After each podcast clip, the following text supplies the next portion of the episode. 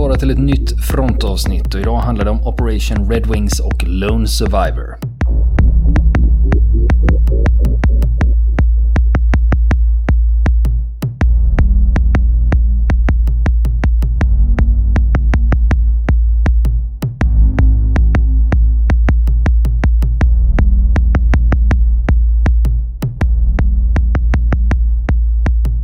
Du Niklas, vi pratade lite tidigare här och du hade inte sett filmen Lone Survivor.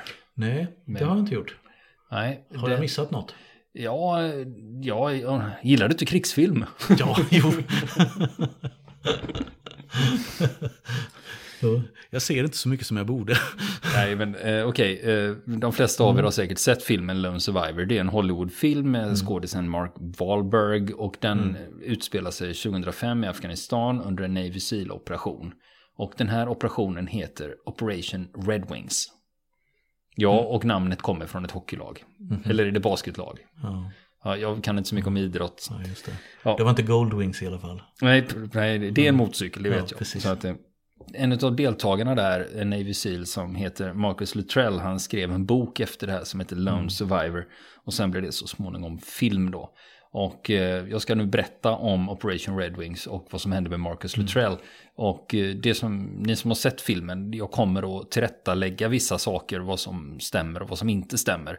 För mm. när man gör film, även om det har hänt på riktigt, så även om man försöker efterlikna det så lägger man ändå till och drar ifrån mm. lite så det ska bli lite bättre. Mm. Eh, lite bättre film. Så när det, eh, jag kommer att peka ut här när det springer på sådana saker.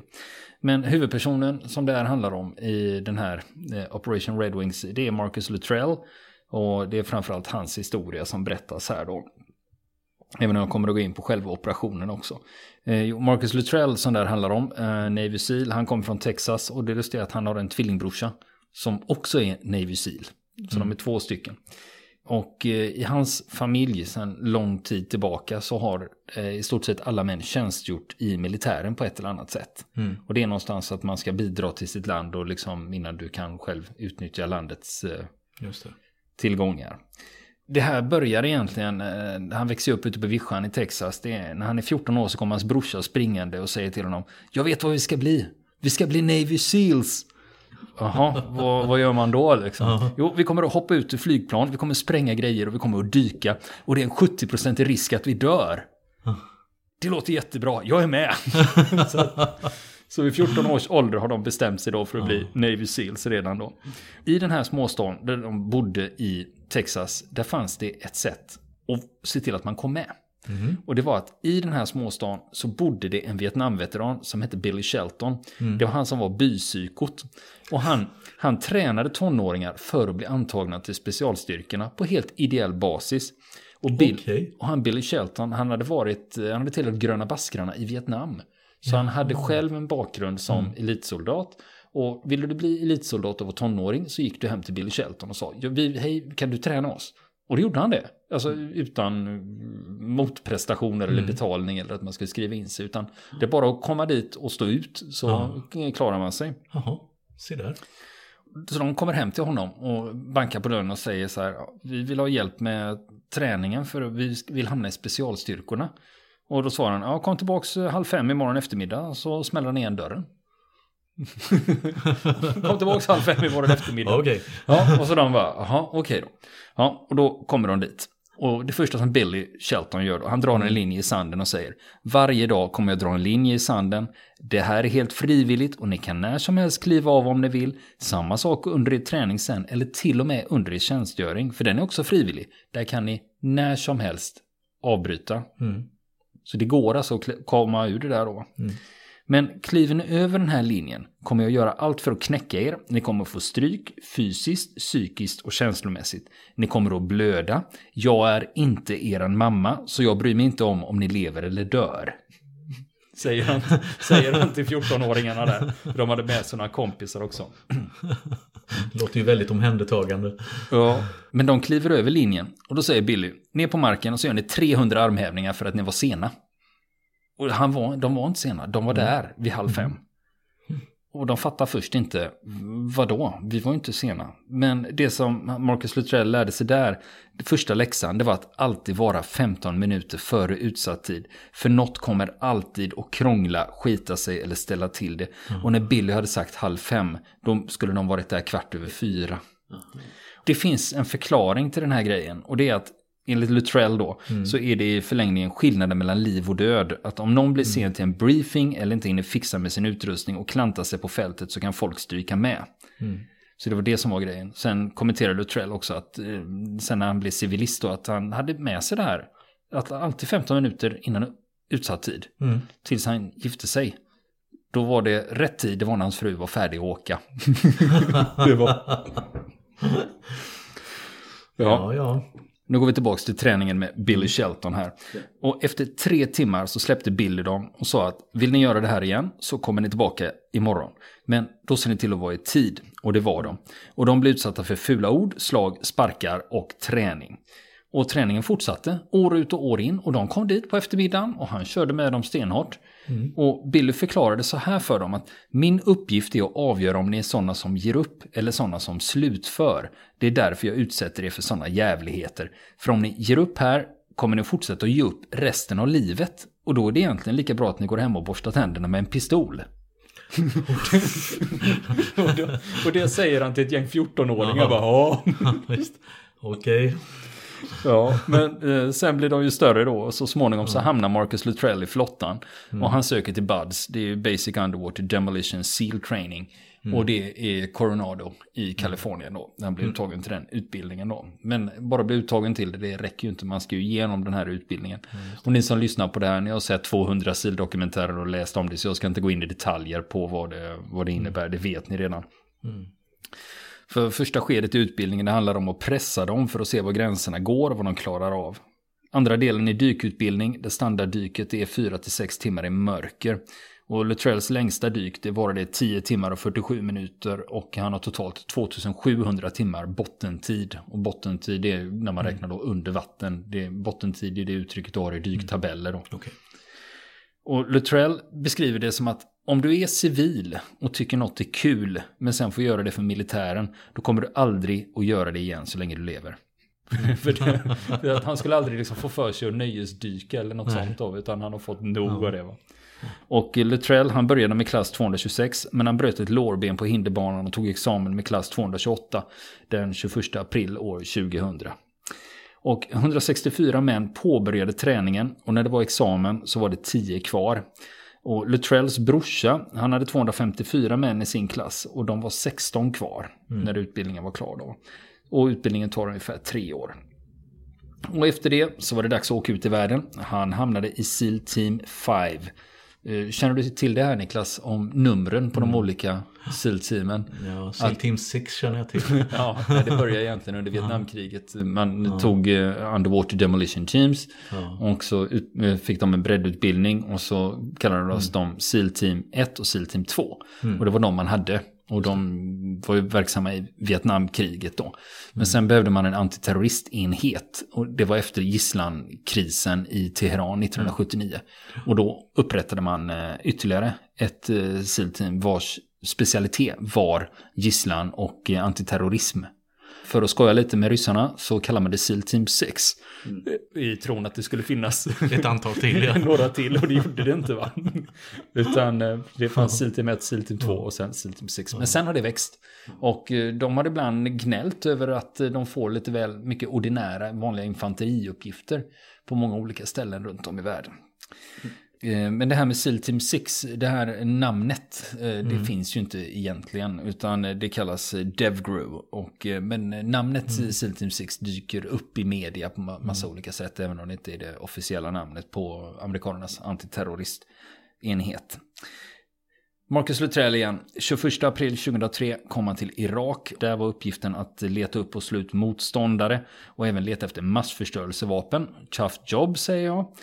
Efter den uppgiften var det att leta upp och slå ut terrorister. Det var det de höll på med där. Sen 2005 då kommer han till Afghanistan och då ingår han i SEAL Team 10. Och hans team jobbade med rekognosering. Och efter tre och en halv månad när han har varit där då startar Operation Red Wings. Och Operation Red Wings den är väldigt specifik. Den består av fem faser. Först ska man planera och reka med Seal Två, man ska slå till mot Ahmad Shah, en talibanledare och hans män. Och det är SIL tillsammans med marinkårssoldater som ska göra det här. Sen fas 3 i operationen, då ska marinkåren och den afghanska nationella armén, ANA, de ska säkra området runt omkring från insurgenter. Fas 4, marinkåren och ANA, sjukvårdare från flottan ska stabilisera området med medicinsk expertis till lokalbefolkningen, uppskatta vilka behov som finns när det gäller vägar, brunnar, skolor och annan infrastruktur. Och det här ska då pågå i flera dagar, just den fasen. Sen femte fasen, det är tillbakadragande. Och mm. beroende på fiendeaktivitet i området så ska marinkåren stanna kvar i upp till en månad. Mm. Det är det man ska göra, det är målet med den här operationen då. Och Luttrells fyrmannagrupp de ska spana på Ahmad Shah och rapportera in så en annan grupp kan gå in och slå ut eller gripa honom och hans män. Och den här Ahmad Shah, USA hade jagat honom i två år vid det här laget utan att få tag på honom. Så nu mm. hade de fått intel då om att eh, vilket område han fanns i och här fanns det möjlighet att nypa honom då. Mm. Så det var det som var planen. Och eh, de släpps ner via helikopter den 27 juni 2005. De är fyra stycken i Luttrells förband. Det är Matthew Axelson från Kalifornien. Han är prickskytt. Han är tystlåten herre. Och sen Mike Murphy. Han är officer och kommer från Long Island. Och Danny Dietz, signalist. Och sen då Marcus Luttrell som är sjukvårdare. Och de ska till en bergsrygg mellan bergen Sautalosar och Gattegalsar. Och det här är alltså i Kunar-provinsen i nordöstra Afghanistan. Det gränsar mot Pakistan. Och de ska spana ner mot ett område där Ahmad Shah ska befinna sig. Och från platsen där de släpps ner med helikopter, dit de ska ta sig, det är fyra kilometer i den här bergsterrängen. Och eh, då kan man göra ett snabbt överslag på ja, hur lång tid tar det för fyra vältränade Navy Seals med full utrustning att ta sig fyra kilometer. Ja, för dem tog det åtta och en halv timme. Mm-hmm. Och en av orsakerna att det tog sån tid var att det började regna kraftigt och de hamnade i lerskred.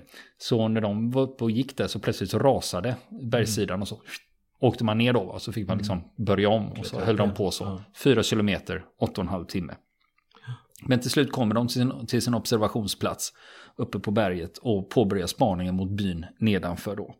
Och Luttrell ligger med vapnet i färdigställning och spanar när han ser ett par bruna ben hoppa över pipan.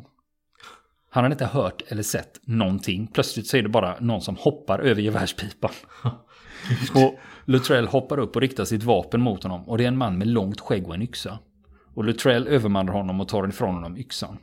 Och några minuter senare dyker ytterligare två personer upp. Det är en vuxen och så är det en kille som är ungefär 12-14 år. Men enligt Luttrell så är en 12-åring lika farlig som en vuxen man. Mm. Så de sätter på de eh, sådana här buntband, alltså zip ties kallas ju de på engelska. Och så funderar de på hur de ska lösa situationen. Och då kommer 70 eller 80 jätter upp för berget. Och problemet då, det är att de här jätterna har gått upp för berget och ner för berget på samma stigar i alla år. Så de hittar ju fram och tillbaka och vet mm. vilka tider. Så de här jätterna kommer att gå ner igen och inte herdarna med, då kommer byborna och eventuellt Amatcha att fatta att eh, mm. vad är herdarna? Nu kommer jätterna, men herdarna mm. kommer inte. Och då fattar de att något är på gång. Va? Och då kommer Luttrell och mm. hans eh, team att bli hittade då. Mm. Så de släpper herdarna. Och nu vet de att det antagligen kommer att smälla snart. För de misstänker att herdarna kommer att gå mm. ner och berätta att ja, det var fyra amerikaner uppe på bergsryggen som band fast oss i en halvtimme. Mm. Och sen släppte oss. Och då fattar de att eh, de kommer mm. antagligen att berätta det för talibanerna. Mm. Så de eh, omgrupperar in i en trädunge på en av de här bergsluttningarna för att ha en bättre position ifall det kommer fiender. Mm. Och ovanför sig har de nu en bergsrygg. Och efter ett tag så får Luttrell syn på en fiende rakt ovanför dem, uppe på bergsryggen. Och han har ett raketgevär på vardera axeln. Men han är inte själv, de är 30 eller 40 stycken. Ja. Och de delar på sig, den här gruppen, och går ner för bergsryggen på varsin sida. Ett dussin per sida ungefär. Mm. Och det innebär att de kommer att bli omringade, för nu sitter de med berget i ryggen. Och Luttrell kan se att de rör sig i terrängen omkring dem. Och bakom ett träd sticker det fram en mynning från en Kalashnikov och han hör att de pratar med varandra. Och han bestämmer sig för att så fort den skytten sticker fram skallen så sänker jag honom. Och skytten sticker fram huvudet och Luttrell träffar honom och han faller. Och då öppnar hela vänsterflanken eld mot dem. Men det är än så länge finkalibrig eld, det är inga raketgevär eller granatkastare. Mm. Och de öppnar eld tillbaka. Och Luttrell ligger nedkrupen bakom några träd och kulorna börjar slå in närmre och närmre. Och de märker att han, han blir träffad någonstans. Och det är en kula som har tagit i hans automatkarbin, eller rättare sagt i mm. magasinet. Och det var ju tur för honom, för det är bara att slänga magasinet och sätta i ett mm. nytt. Så vapnet var inte skadat. Det, han, det. det, vapnet han har det är en Mark 12, det är en ombyggd. Det är, mm. Den har M16 som bas och det är 556 mm. på den och den är ljuddämpad. Men mm. den har inte det där typiska M16-handtaget utan det har en sån här Picatinny rail som man kan sätta på olika mm. typer av sikten. Då. Murphy, han ger signalen att de ska retirera. Och när Luttrell reses upp, då rasar hyllan han står på. Han börjar falla neråt. Och han träffar Murphy och nu faller de neråt längs med den här sluttningen och studsar mellan träden. De faller, kanar, ramlar och studsar nerför sluttningen i ungefär 200 meter. Och Luttrell han berättar så här att när man ser det här på film så tänker man när någon faller ner för en sluttning. Ja men ta tag i ett träd. Och Luttrell mm. säger, jag försökte och träden eller grenarna bara slets ur min hand. Det gick mm. alltså inte att stoppa. Nej. Utan du börjar du falla så, så mm. faller du. Va? Och färden slutar med att de kommer ur den här skogen och in på ett öppnare område med stenbumlingar och gräs. Och pang, där tar det stopp. Luttrell bryter ryggen i det här fallet och Murphy krossar ansiktet. Och Luttrell sätter sig upp och frågar Murphy om han är okej. Okay. Och då kommer raketgevär och granatkastare mot dem och det börjar explodera omkring dem. Och de springer iväg en bit och lägger sig under några träd och börjar besvara elden.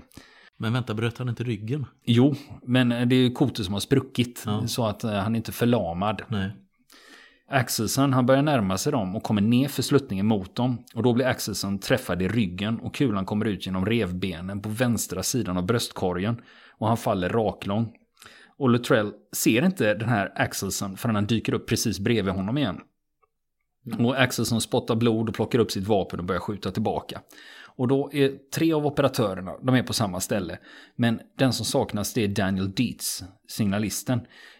För han är signalist och han försöker ropa in att de är angripna men han får ingen mottagning. Då ser de Danny plötsligt ramla ur några träd helt livlös och bli liggande. Men han börjar röra på sig och försöker närma sig de andra. Och när han är några meter bort då hoppar Luttrell ut och släpar in honom i skydd. Och i filmen då kan man se att Danny Dietz har fått fingrarna bortskjutna. Mm -hmm. Men i verkligheten så var det tummen på höger hand som var bortskjuten. Och den hängde och dingla i en skinnslamsa bara. Han får ett förband på handen och sen deltar han i striden igen. Det enda stället de kan ta sig nu, det är neråt. För fienden är på väg mot dem ovanifrån. Va? När de försöker ta sig neråt så hamnar de vid en klippavsats som var cirka 12 meter. Och då tänkte de, men vi försöker glida ner för den. Men det gick inte. De föll allihop och de hamnade i en stor hög nedanför sluttningen och fienden öppnade eld mot dem.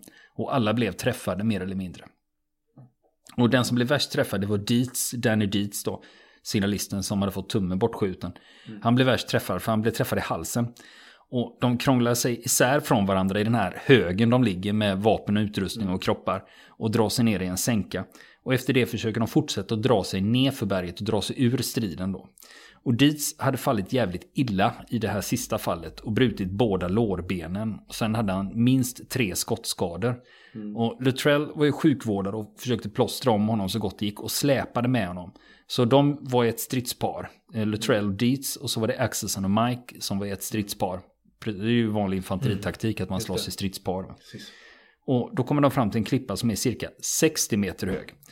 Och då, tänk, då ska de försöka samma sak igen. De ska försöka glida ner för den här mm. klippan så gott det går. Och Luttrell ber Dietz att försöka ta tag i grejer på vägen ner så de inte får för hög fart. Och de tömmer sina magasin och Luttrell lyfter upp Dietz i ett brandmansgrepp. Och, och vänder sig om.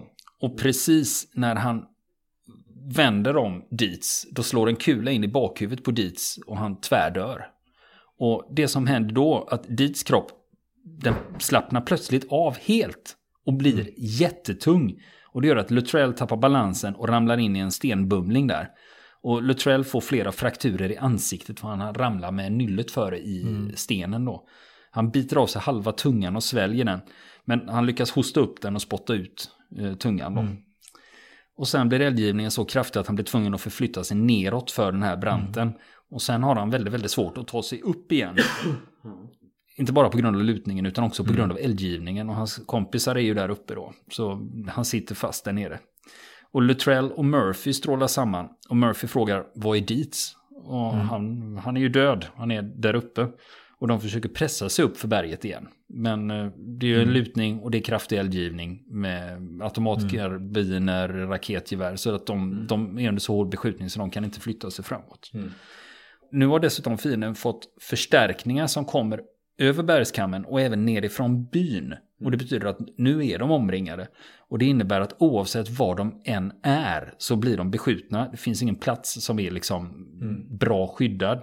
Och de försöker ta sig uppåt men eldgivningen är för kraftig. Och Luttrell ligger i en grop och skjuter när Axelsson sätter sig bredvid honom. Och Luttrell säger till honom att, äh, säger till honom, vad fan upp med vapnet och börja skjut. Och Axelsson svarar, jag kan tyvärr inte hjälpa till, jag är blind, de har skjutit mig i ansiktet. Och i filmen så ser man att han är träffad bakom höger öra. I verkligheten så var han träffad precis bakom höger öga. Eh, mm. Så alltså i, i verkligheten satt skadan längre fram i ansiktet då. Och Luttrell beskriver själv att han blir chockad när han ser skadorna. Han beskriver det, det enda som går att känna igen av honom det är underläppen. Allt annat är bortskjutet då. Och Luttrell säger till honom att gå härifrån så täcker jag dig. Så börjar Luttrell skjuta då. Axelsson försöker röra på sig då. Mm. Och 50 meter uppåt, då är Murphy ute på en stenbumling utan skydd och försöker anropa med en satellittelefon. För de hade haft problem med mm. sambandet så de försöker rapportera in till basen att vi är mm. under anfall här, vi måste ha förstärkningar. Mm. Och så nu är det, nu har de skitit i den radion de hade med sig utan nu mm. försöker de köra med satellittelefon. Och det är därför han går ut i det öppna. Problemet mm. är att han utsätter han sig för eld mm. när han är där ute då. Och Murphy blir träffad av två skott i bröstet och faller omkull. Och Luttrell försöker ta sig upp till honom men eldgivningen är för kraftig. Och Murphy sätter sig upp och får en kula i ryggraden som kastar honom framåt på mage. Och Luttrell gestikulerar och försöker få Murphy att röra sig ner mot honom. Och Murphy rör sig åt vänster och Luttrell tappar honom i sikte men hör mängder med skott. Och Murphy skriker på hjälp och han ropar på Marcus, du måste hjälpa mig, Marcus kom och hjälp mig. Det ligger, eh, det ligger Murphy och skriker mm. en bit upp då. Och Luttrell kan inte ta sig dit. Mm. Och nu blir det för mycket för Luttrell här. Han klarar inte mer. Utan det som händer är att han lägger ner vapnet och håller för öronen för att inte höra Murphy skrika. För han förstår, han är ju döende här va. Mm. Och i efterhand säger han själv att det var då han knäcktes. Att han mm. trodde aldrig att han skulle bryta ihop. Men det var exakt i det ögonblicket när han klappade ihop, när Murphy ligger och skriker Marcus kom och hjälp mig, Marcus kom och hjälp mig och han vet om att nu kommer Murphy att dö. Det klarar han inte. Han säger själv i efterhand att det var väldigt, väldigt fegt gjort och man lägger inte ner sitt vapen i en eldstrid. Men jag bröt ihop mm. i det ögonblicket. Det är då som Murphy blir dödad. Mm. När Luttrell har lagt ner vapnen och håller för öronen för att slippa höra skriken då. Innan Murphy blir dödad så har han i alla fall lyckats få fram ett meddelande till basen att det är kris och att de behöver förstärkning. Så SEAL Team 10 den lastar sig in i en helikopter och beger sig dit för att undsätta sina kamrater. Så de har ju vad de kallar för en QRF, Quick Response Force, som står på standby utifall det behövs något. Så de kan skicka in dem som är brandkår. Mm. Det som händer sen för Luttrells del är att han blir beskjuten och flyttar sig neråt. Och han träffar på Axelsson som krupit in under några stockar. Och Luttrell kryper också in där. Och då träffar han en projektil från ett raketgevär bakom Axelsson och kastar honom över Luttrell. Och nästa projektil träffar precis bredvid dem och kastar dem åt varsitt håll. Och Luttrell blir medvetslös. Och när han vaknar då är han förlamad från midjan och neråt. Och nästan all hans utrustning är borta, till och med byxorna. Kängorna är kvar och stridsselen som håller överdelen på plats. Och geväret. Hans Mark 12 har han fortfarande kvar. I det här läget så har Luttrell 11 skador från fall och splitter. Han har frakturer i höften, omfattande ansiktsskador. Han har ju dessutom fått eh, sprickor i kotorna, han har ju brutit ryggen. Och han kryper undan och han proppar igen skadorna så gott han kan med sår och jord och sand så att han inte ska förblöda. Och så gräver han ner sig i vad han kallar en grund grav och så täcker han sig med stenar så att uh, han, fienden inte ska kunna upptäcka honom. Mm. Och då hör han fienden komma ner från berget och firar resten av dagen. Och det är inte bara tre döda SEALs som de firar, utan den stora segern det är att SEAL Team 10, de är på väg dit i en helikopter. Mm. Och när de öppnar luckan där bak, det är en, mm. du vet hur en HKP4 ser ut. Ja, det, det, här är en amerikansk Chinook då. Mm. Så när de firar, fäller ner rampen, då mm. är det en 12-åring som skjuter in en eh, RPG i helikoptern. Så den exploderar och störtar och alla dör. Och den här uppgiften att det är en 12-åring som har skjutit ner den, det är faktiskt Luttrell själv som mm. har berättat den uppgiften. Så det är där mm. jag har hört den då. Men sen när Luttrell ligger gömd där, då börjar han tänka så här. Men han känner ju inte till det här om helikoptern. Det är ju något som... Han har ju inte en aning. Han vet ju mm. inte om att de ens har kontaktat basen och att helikoptern har kommit eller att den har blivit nedskjuten. Men han ligger där i sin grunda grav och funderar. Tänk om de andra inte är döda. Och här ligger jag. Fan, jag borde ut och hjälpa dem. Solen börjar gå ner. Då börjar han få känsel i tårna igen. Och till slut så kan han resa sig upp. Och då ser han något glimma till på andra sidan ravinen. Mm. Och han kollar genom sitt kikarsikte och då ser han att det sitter en fiende med en silverfärgad AK47 på en sten. På andra sidan ravinen. Och Luttrell får iväg två skott som missar. Mm. Han, han skjuter ju ljuddämpat så det är ändå svårt att lokalisera honom. Mm. Det tredje skottet, där träffar han honom i magen och den här mannen ramlar ner för den här ravinen. Mm. Och det fanns ytterligare två fiender i närheten som, som ser det här. Och de springer över till Luttrells sida av ravinen och börjar leta. Mm. För de fattar ju att skotten har kommit därifrån. Och eftersom Luttrells automatkarbin är ljuddämpad så vet de ändå inte riktigt var skotten har kommit ifrån. Så de går och letar och letar. Mm. Och då ställer de sig med ryggen mot Luttrell. Mm. Och då skjuter han dem i ryggen. Ja, han säger själv efteråt att man ska inte skjuta folk i ryggen. Men ursäktar sig med att han hade haft en ganska jobbig dag. det var dagens understatement. Ja, Sen går solen ner och då eh, ser han sin chans att försöka ta sig därifrån i mörkret. Men han har ingen bildförstärkare som man brukar ha i vanliga fall, den har försvunnit då. När han försöker ta sig därifrån så faller han och slår sig själv medvetslös minst fem gånger. Och sen ljusnar det och han håller i ett träd och sträcker sig efter ett annat och han har lyckats ta sig en ganska bra bit. Mm. Och precis när han sträcker sig efter det andra trädet då blir han träffad av en kula i baksidan av låret och kraften i träffen gör att han kastas framåt och börjar rulla ner för en sluttning och mm. rullar ner ungefär 20 meter. Och då visar det sig att då är han förföljd då och sen öppnar de, det är en spanare och två skyttar som öppnar eld mot honom och han försöker ta sig därifrån. De är mycket snabbare än vad han är. Och det var något han var väldigt förvånad över, hur snabba fienden är. För de är så vana vid att röra sig i terrängen. Men sen har de en annan metod när det gäller strid. Mm. Det är mm. att du har skyttar som rör sig. Och sen har du en person i, i deras grupp då som bär vatten och sen har du en annan som bär ammunition. Medan Navy Seals de bär ju allting själva. Mm. Och det gör att eh, skyttarna bland talibanerna kan hålla en väldigt, väldigt hög hastighet i den här terrängen. På ett sätt som han inte kan då. Nej. Nu är han ju dessutom skadad så han har svårt att ta sig därifrån. Mm. Så hans plan är att kasta sig ner för stenar, klippor och sluttningar. Och då, då tänker han så här, men då har jag ett högre tempo och då kan de inte hänga med mig. Då kan jag dra ifrån dem och jag bara slänger mig ut för sluttningar mm. hela tiden. En spanare förföljer honom. Och Luttrell stannar upp och lägger sig under en stenbumling och väntar bara på att spanaren ska dyka upp. Spanaren kliver fram på mycket nära håll och Luttrell skjuter honom rakt i munnen. Och då är de två skyttarna på väg ner och börjar närma sig. Mm. Och när de är nära honom, ungefär två meter ifrån honom, då drar han ur sprinten ur en handgranat och slänger ut den och rullar undan. Och med mm. hjälp av den här handgranaten så tar han ut de här två skyttarna då. Men för hans egen del så är han i väldigt dåligt skick. Och han ska försöka åla sig därifrån. För han är ganska skadad nu. Han har ju dessutom mm. slängt sig ner ja. vid några tillfällen. och han börjar åla och, och försöka ta sig så gott han kan därifrån. Totalt från platsen med de första striderna, striderna ägde rum till där han har kommit nu då. Då har han lyckats ta sig 11 kilometer. Och nästa vecka fortsätter vi historien om Operation Red Wings och Lone Survivor. Vill ni komma i kontakt med oss så kan ni göra det via vår Facebook-sida som heter Fronten. Det är inga problem för er att leta er fram där. Eller också så mejlar ni på vår mejladress och det är frontenpodcast.gmail.com.